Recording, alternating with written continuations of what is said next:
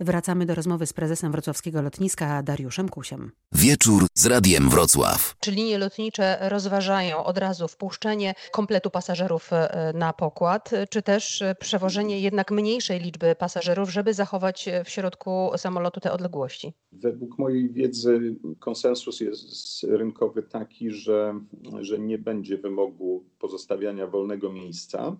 Natomiast y, będzie monitorowana sytuacja taka, że jeśli będą w naturalny sposób wolne miejsca w samolocie, czyli nie, nie zostaną sprzedane wszystkie bilety na rejs, y, to zadaniem załogi mm, będzie takie rozsadzenie pasażerów w tym odrobinę pustym samolocie, aby, aby te odległości były zachowane jak, jak największe.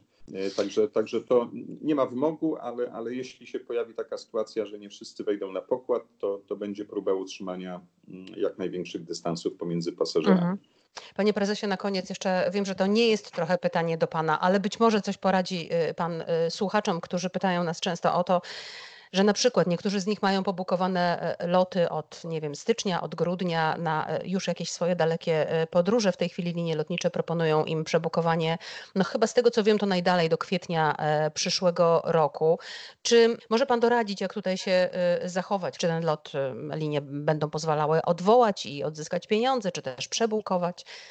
No to oczywiście wchodzą w grę olbrzymie pieniądze, więc Mhm. Więc trzeba to brać pod uwagę. Myślę, że, że warto się wstrzymać z jakimiś gwałtownymi działaniami jeszcze, jeszcze jakiś moment czasu, dlatego że w tle tego zjawiska pojawiają się również regulacje europejskie, które albo właśnie nakażą liniom lotniczym zwracać pieniądze za mm, niewykorzystane bilety i jednocześnie umożliwią y, emisję mm, takich powiedzmy voucherów podróżnych, które, które Czyli przebukowania wydawać pasażerom, czyli przebukowania. Tutaj zalecenie ze strony unijnych przepisów jest takie, aby, aby warunki tych voucherów były no powiedzmy na tyle atrakcyjne dla, dla pasażerów, żeby zachęcały właśnie do takiego przebukowania, a nie wybierania pieniędzy. Tak? Czyli kolokwialnie mówiąc, jeśli linia lotnicza zaproponuje nam voucher wysokości, no nie wiem, strzelam, 130% wartości mhm. biletu, który kupiliśmy, no to, no to być może będzie to zachęta do tego, żeby po prostu przebukować lot i,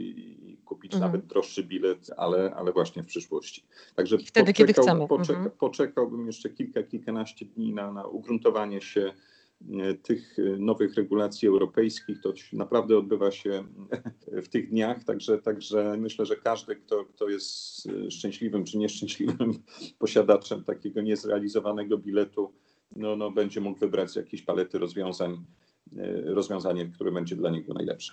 O jakich terminach mówimy? Do końca maja się dowiemy? Ja myślę, że, że tak, że, że to się dzieje w najbliższych dniach, także, także w tych terminach do końca maja już, już wiele powinniśmy wiedzieć. Wiemy, że, że niebo polskie jest e, zamknięte do, do mniej więcej 12 czerwca, chyba teraz jest najnowsza. Mhm. najnowsza decyzja rządu.